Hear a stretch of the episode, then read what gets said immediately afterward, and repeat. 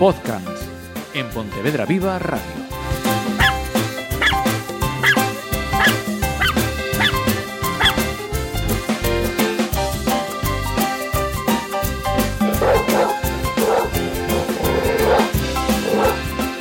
Hola, saludos, ¿cómo estás? ¿Pendiente ya de este nuevo programa de podcast? Pues eh, aquí estamos, eh, servidora y la parte fundamental, como siempre digo en todos y cada uno de los eh, programas, nuestro educador canino, Diego Álvarez, bienvenido. Muy. Si estás pendiente, qué poquito tienes que hacer la vida, de verdad. Así vivimos, así vivimos. Así me vendo. Eh, Diego, que seguimos teniendo consultas, eh, preguntas eh, de los seguidores, los, los, los podcaneros, los podemos llamar los exactamente. Hay que- podcaneros. Hay que ponerle nombre a todo, los youtubers, ¿verdad? pues eh, ya está, queda. Mira, y como nos avanzabas l- en el anterior programa, m- la parte menos bonita. Exacto, Hay que hacer una dedicatoria, Dedicatoria. con esa parte bonita que también lleva Sí. acordarse. Cuéntame. Sí, en- eh, es, bueno, eh, cuando llevas ya años en esto, eh, tampoco soy tan viejo, pero bueno, llevo años, eh, pues a algunos perros te toca un poco más la patata que otros y este fue un, un caso especial. Especial tanto por el perro como por el guía. Eh, El guía, aunque no era el propietario, es decir, el perro no estaba a su nombre, era, un- es un señor mayor. Le dije que le iba a dedicar el programa, cuando me escuche me va a decir, señor mayor, tu padre, pero bueno. Eh, Haciendo amigos. Exactamente. Y, y con una implicación, el perro era del, del chaval, pero se encargó de él y, y un grado de implicación. Entonces, la verdad es que tocaron la patata los dos, tanto Nerón, un, un bull terrier, como, como Julio. Y pues eso, por desgracia, se, se van yendo. eh, sigue muy mal organizado esto de lo de los perros. O sea, tendrían que durar más que los humanos. Ya. Yo lo veo muy, ma- muy mal organizado. Y de hecho tendría que durar más que muchos humanos. Pero bueno, vamos a dejarlo ahí. Sí, no, vista la situación además en la que estamos, eh, casi, casi que sí. Y los, los perros saben guardar muy bien la distancia social, que, que eso el, el humano creo que le está costando demasiado. Igual tenemos que cambiar las pautas Pues en vez sí, de podcast poner eh, pod, eh, Pod humanos. exactamente, sí, a ver si, si nos concienciamos un poco. Pues nada, básicamente es eso, va, va por, por ellos Va dos. por ellos, genial. Y, y encantado de la vida. Bien, y además este programa, este podcast, va a, a girar en torno a una pregunta que te han hecho llegar, ¿no? Exacto, un, un correo que, que me llegó, ahora lo, lo, lo leeré. Y, y mola, mola porque así no me tengo que romper la cabeza de qué hago el programa. Ya me ponen preguntas, pues yo hago respuestas. Mucho más cómodo. Efectivamente. O sea que, que se sigan animando. El correo es de una chica que se llama Lorena Castro. Eh, bueno, ya lo voy a explicar, pero eh, es un caso, no es que sea un caso complicado. Ujú, Vaya, Mayor es de que no lo he visto, o sea, es una consulta por correo. Sí. Pero es no, así como a lo mejor otra cosa puedes dar una serie de pautas más concretas y incluso in- sin la necesidad de llegar a ver a los perros. eh, hay gente incluso que trabaja online con, con ciertos casos. eh, se trata de una, de una, de una agresión de, entre perros. Entonces, yo voy a dar unas pautas generales y es un poco por, por explicar cómo actúo yo cuando pues me llama un cliente y me dice, mira, que tengo un perro que me pasa esto.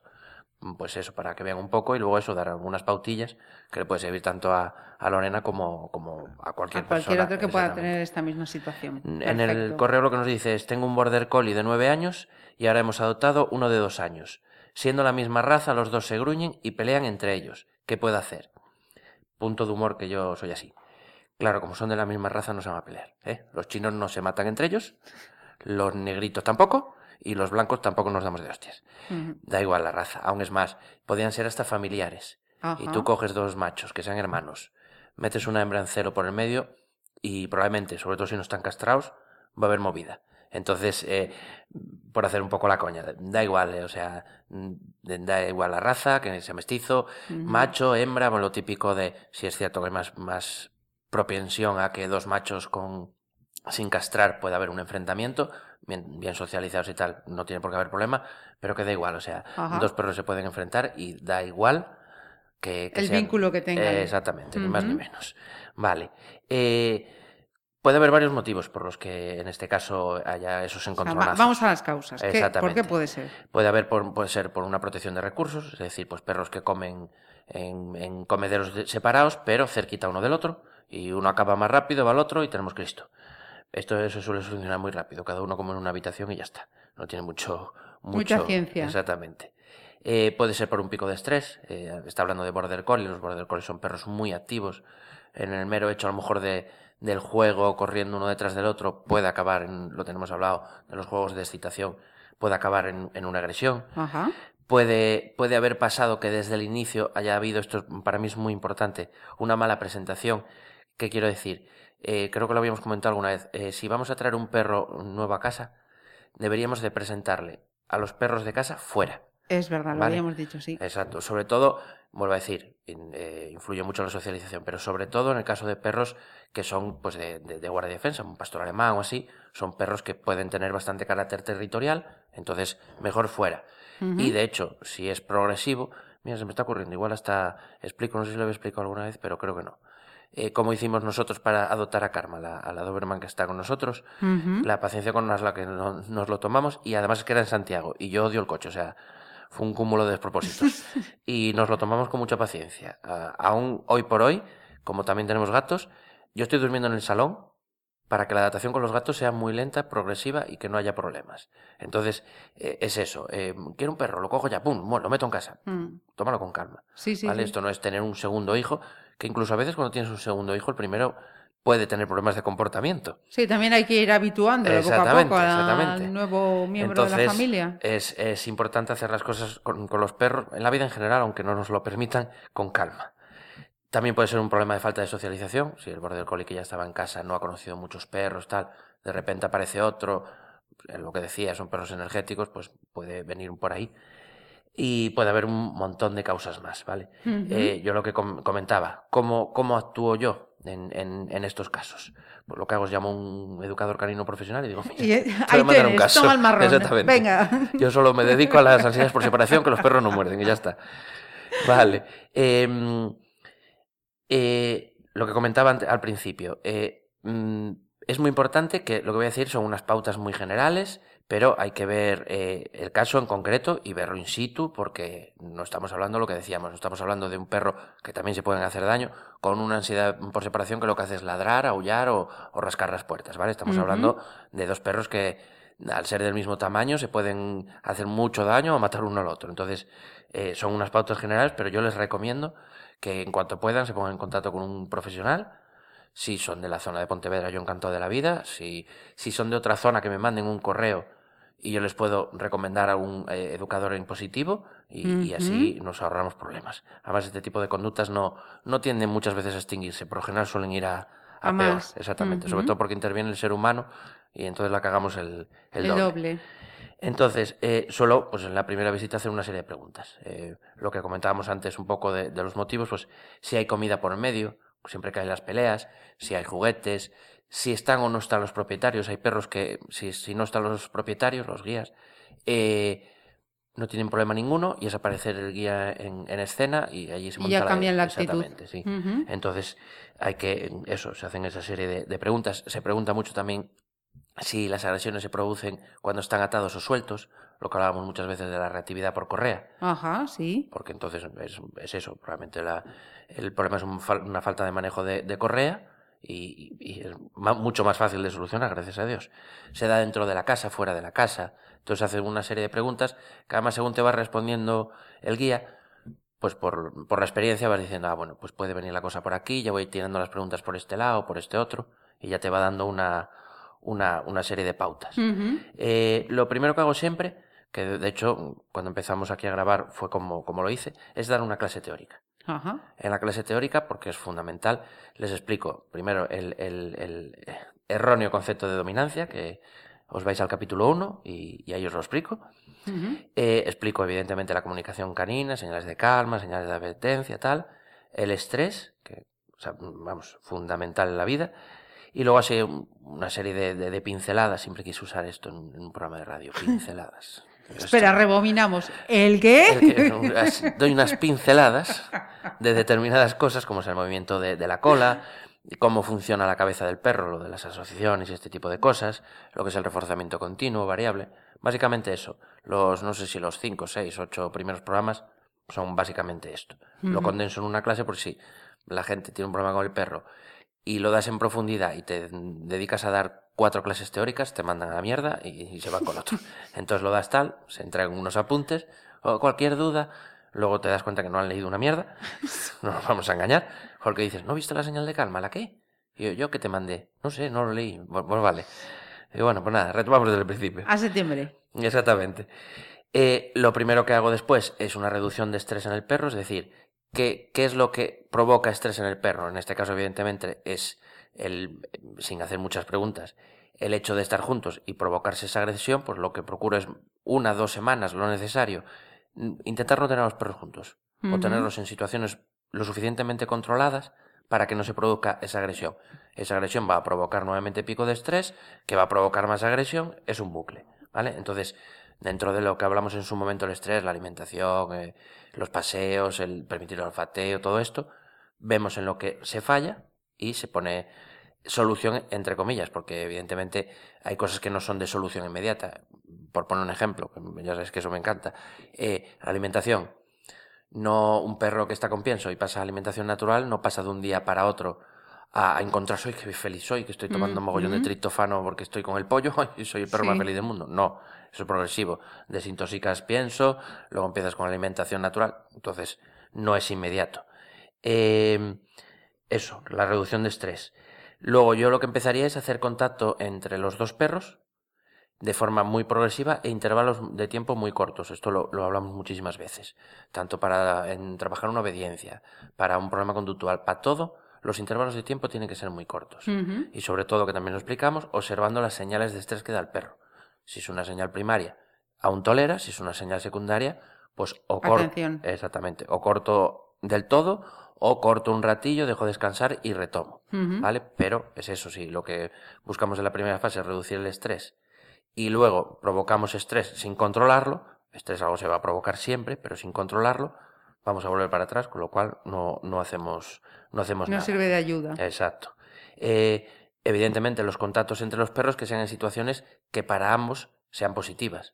Es decir, para dos perros, eh, un paseo por el monte es súper positivo, y no van a estar pendientes el uno del otro de si te pillo te reviento, ¿vale? Porque va a haber mogollón de olores, van a ir nariz clavada en el suelo, se van asociando con cosas positivas. Un ejercicio que, hago, e incluso es eh, reforzando las señales de calma, que se miren y se comuniquen bien entre ellos. Si hay buena comunicación, puedo tirar de chuche o puedo incluso no tirar, simplemente con un que muy bien, ¿vale? Con el hecho de que se miren, ya veas que hay focalización y ambos miren para otro lado, que están dando una señal de calma, pues... Vamos bien. Exactamente, qué buena, ¿vale? Eh, hay situaciones incluso en las que puedo llegar a reforzar las de advertencia, es decir, se acercan y se gruñen. Por lo general, ¿qué hacemos? Gritamos, nos enfadamos, provocamos que, se peleen. No, muy bien. ¿Por qué? Porque no se están agrediendo. Ya hemos bajado un escalón. Luego ya bajaremos uno más, pero por, lo menos hemos bajado uno. Mm, en el caso de las señales de advertencia hay que tener precaución, ¿vale? O sea, hay que no, no es a lo loco, ay, mi gruñe, qué bien, hala, venga, toma, bonito. Solucionado, premio. Eh, exacto, entonces hay que tener precaución. Em, bueno, aquí hablaba de lo de eh, eso, de lo de que sí, por ejemplo, es por comida que, coman en habitaciones separadas. Separadas, exactamente. sí. Eh, sí, es que estaba ahora leyendo que me perdí yo solo, tenía muchas líneas y me acabo de perder yo solo. Em, es muy importante lo que estaba comentando ahora, permitirme la comunicación entre los perros. ¿Qué quiero decir? por lo que comentaba justo de las señales de advertencia. Probablemente si se gruñan, ya los, los guías, lógico por desconocimiento, manos a la cabeza, agarra al perro. En el momento que tengas dos perros que estén de frente o cerca, de lado, mirándose de reojo, gruñéndose, como tú te vayas a acercar a separarlos, esos perros se van a enfrentar seguro.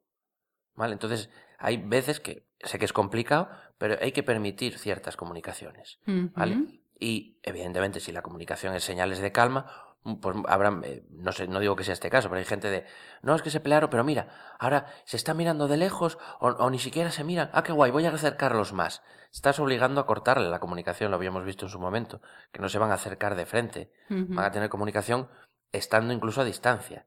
Permitamos esa comunicación, lo van a gestionar mucho mejor.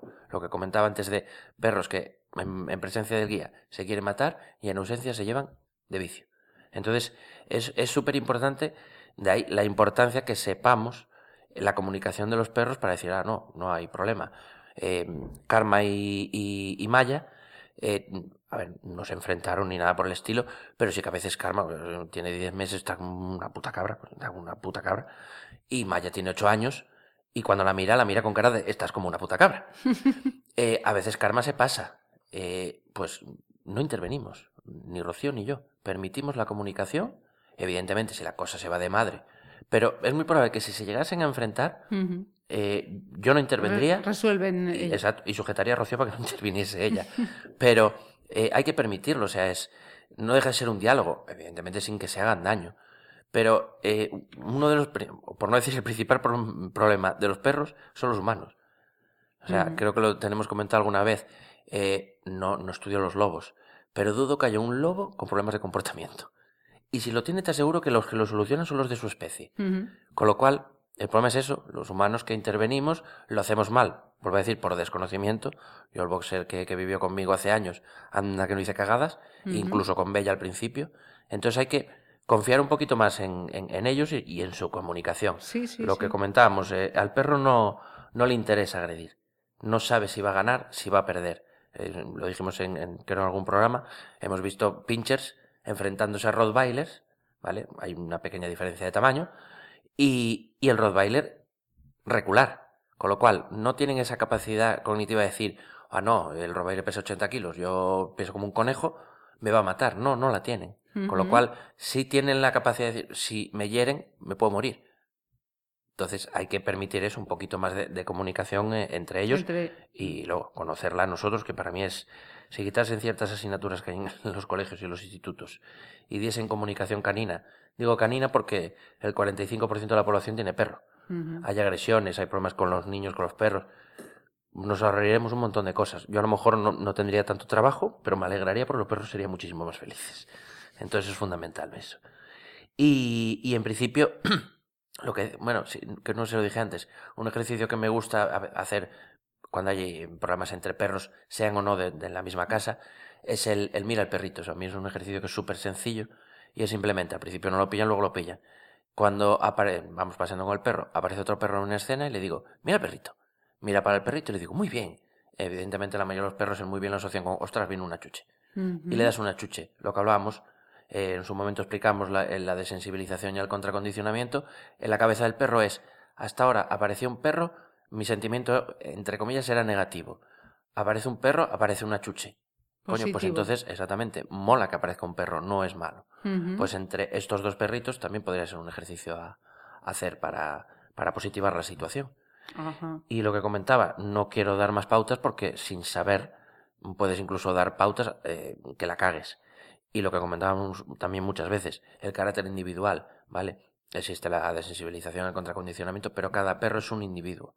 Y hay perros que eh, a lo mejor por, eh, es- o sea, están muy concentrados en la chuche y tienes que pasar de usar chuches y lo que tienes que hacer es una gestión de distancia de forma que el perro no se sienta agredido y puedas ir acortando esa distancia. Con lo cual, dar más pautas me parece arriesgado. Vale, Diego, eh, decía, si tienen alguna duda, si alguien quiere tal, correo electrónico, ¿lo recordamos? Eh, correcto, es eh. Perfecto, bueno, pues ya sabéis, si a Lorena le queda alguna duda o cualquiera de los que estáis escuchando, tú que tienes alguna cuestión que quieres trasladar a Diego, ya sabes cómo, cómo puedes ponerte en contacto. Exactamente, yo encantado de la vida. Vamos con los clásicos. Vamos a ello. La primera frase, mira que hablábamos, eh, no sé si fue la semana pasada o la anterior, de que no habíamos tenido ninguna frase de, de Pablo Coelho y Ah, el último, el último el último, programa. bueno, pues ahora repetimos. Yo busco las frases por internet y me salió eso y joder, pues ahora estamos sembrados. Y dice, lo que hablábamos antes de, del tema de por qué, no, de hecho no lo hablaba contigo, lo hablaba con Rocío, de por qué agreden los perros. Ajá. Y no, de hecho no lo hablaba con Rocío, lo hablaba con mi madre. Conozco tres personas en mi, en mi vida y me lío, yo, es, es tremendo lo mío. Eh, que el- el- la mayoría, por no decir todos los, de los perros, las agresiones las van a dar por miedo o por estrés. Ujú. ¿Vale? Y entonces dice, el miedo generalmente se manifiesta de dos maneras, a través de la agresividad o a través de la sumisión. Lo que hemos explicado muchas veces. Yo presiono, no presiono, eh, la típica frase, no, mi perro nunca va a morder. A mí no me lleva más de un minuto conseguir que tu perro o me muerda o entre en indefensión aprendida, que ya lo explicamos también en su momento. Con lo cual es que es, es que es así de, de cierto. O sea, Ujú. el miedo, la inseguridad, todo lo que no podemos controlar, pues por lo general tendemos a, a- a solucionarlo mal, como o agrediendo o entrando en un proceso depresivo. Exactamente.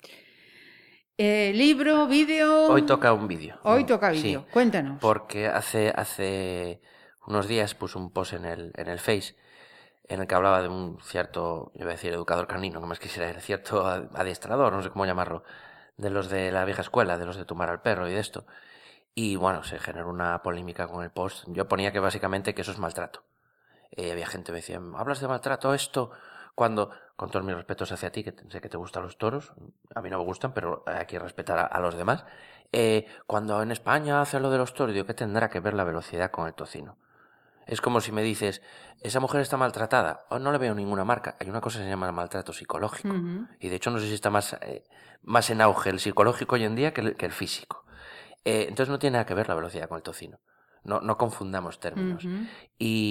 Y a ese respecto yo me explico lo de la dominancia y todo esto. Y digo, es que yo no he visto a perros tumbar a otros perros. O sea, en este caso que es un vídeo de una madre y un, y un cachorro. Eh, no he visto lo de los toques en el culo a lo César Millán. No he visto nada de esto. Eh, entonces, recomiendo que vean eh, un vídeo en YouTube que se llama Perrito Independiente pelea con su mamá. La madre es una perra así amastinada, no sé cuánto pesará ese bicho, es descomunal. El cachorro debe ser el tamaño de la pata de ella. De la pata, pero me refiero a la parte de adelante de la pata. Es, el perro se pone como un energúmeno. Ajá. Si ves a la perra dando señales de karma, de karma, sí, ya tengo ya la perra mía metida en la cabeza, de calma, eh, intentando incluso llevarlo al juego para que se relaje, cada vez que lo intenta, lo intenta coger del cuello para trasladarlo, no para tumbarlo, ¿eh? Ajá. que es para lo que lo usan. El perro se pone, bueno, tienes que verlo porque em, eh, para aprendizaje está genial y luego aparte es que te vas a partir el culo de risa porque el vídeo es buenísimo. Entonces digo yo, ¿dónde está aquí la dominancia? ¿Dónde están aquí todos estos conceptos absurdos que... Y lo hace con toda la calma del mundo la, la madre, es espectacular ese vídeo. Perrito independiente Eh, mm, pelea con su mamá. pelea con su mamá. YouTube. Exacto. Perfecto. Anotado. Os habéis quedado con ello, ¿no? Bueno, y si no, eh, eh, echáis para atrás un poquito el podcast y lo Le damos a, re- a rewind y ya está. Bueno, rewind es de la época nuestra de, del radio cassette. Nos han entendido Es perfectamente. totalmente. El simbolito de las flechitas a la Eh, izquierda y a la derecha exactamente, exactamente. siguen estando. Pero cuidado, si le dais al que pone un triangulito y una barra, entonces vais al programa anterior, ¿eh? Es dos triangulitos. Oye, pues igual también lo podíamos eh, recomendar. Eh, también, sí. Ah, no, que los escuchen que- todos, todos, todos, exactamente. Mira, y otra parte fundamental también Sí, la- de la cada adopción. capítulo, eso es. En este caso tenemos un, un macho, eh, se llama Fritz, eh, tiene dos, dos añitos, se lleva, es de, de los que tienen completos. Bueno, eh, para- por si alguien es por el tema tamaño, pesa 11 kilos 200 gramos. Eh, dije yo, darme datos, y esta vez me los Vamos, dieron. digo, precisión. Digo, Y tiene cortadas las uñas a 3 centímetros, madre mía. Eh, está vacunado, desparasitado, esterilizado, se lleva bien con hembras, se lleva bien con machos, se lleva bien con niños. Con gatos no saben porque no, no se valoró. No ha tenido situación. Exactamente. Eh, no tiene problemas de salud ni de conducta. Bueno, el perro es un, un encanto. Tenía que haber cogido yo este en vez de la puta loca que me cogí. Eh, pero, nada, eso es un- una maravilla. Es de, de- de- de la Asociación Arca de Noya. Y para poneros en contacto, si queréis verlo y todo y eso, y llegar a pues adoptarlo. Arca de Noya trabaja, no tienen centro, sin, quiero recordar que trabajan con acogidas todo. Eh, pues os ponéis en contacto con, con Lira. Un saludo, Lira, que es una buena amiga. Y es en el 652-361-499. Perfecto. ¿Es la primera vez que hablábamos de Arca de...? Creo que sí, creo que sí. Con ser un tal, siempre se me olvidaba incluirla. vale. Llevaba con payeros, cadeliños, todos estos, pero no, siempre se me olvidaba Lira. Bueno, pues eh, siempre está bien tener más, más referencias. Exactamente. La imagen, ya sabéis, es la suya, la que acompaña el programa de esta vez. Sí, porque queremos que se siga oyendo el programa. Si ponemos una imagen mía, esto va a bajar, pero vamos. No ha habido manera, ¿eh? Ah. Y mira que llevábamos programas, pero que no, que no, que dice que no. Esto es como es, es sí que era nuestra generación. La serie aquella de Los Ángeles de Charlie, que Charlie nunca Mm. Eh, aparecía. pues yo soy Charlie, exactamente. Pues Diego tampoco Nada, aparece, nada. se niega. Yo soy personaje secundario. Vale, eh, yo insisto, queremos eh, recordar ese correo electrónico podcast.gmail.com. Daos las gracias porque efectivamente los datos están ahí, lo comprobamos, cada vez eh, sois más los que os eh, sumáis a seguir estos podcasts Y me vas a permitir, Diego, yo sé que es una batalla ganada, pero sigo con ganas de tirar orejas a aquellos que siguen sin respetar esa ética y mm, sin dar referencias ni sin decir en este lugar. Pero mm, si tú en tu casa, mm, en el sofá en el que te sientas, seguro que no es el sofá en el que meas, por favor, no dejes que tu perro me donde nos vamos a sentar luego los demás. Estoy totalmente de acuerdo. Somos muy cerdos. Muchísimo. Muy cerdos. Pero bueno, vete tú sabes si más de uno se me hará en su sofá por no levantarse, o sea que calcula cómo tendrá el perro. Ni más ni menos. En fin, pobrecito animal. Empatía al poder. Diego, como siempre, muchísimas gracias. A vosotros.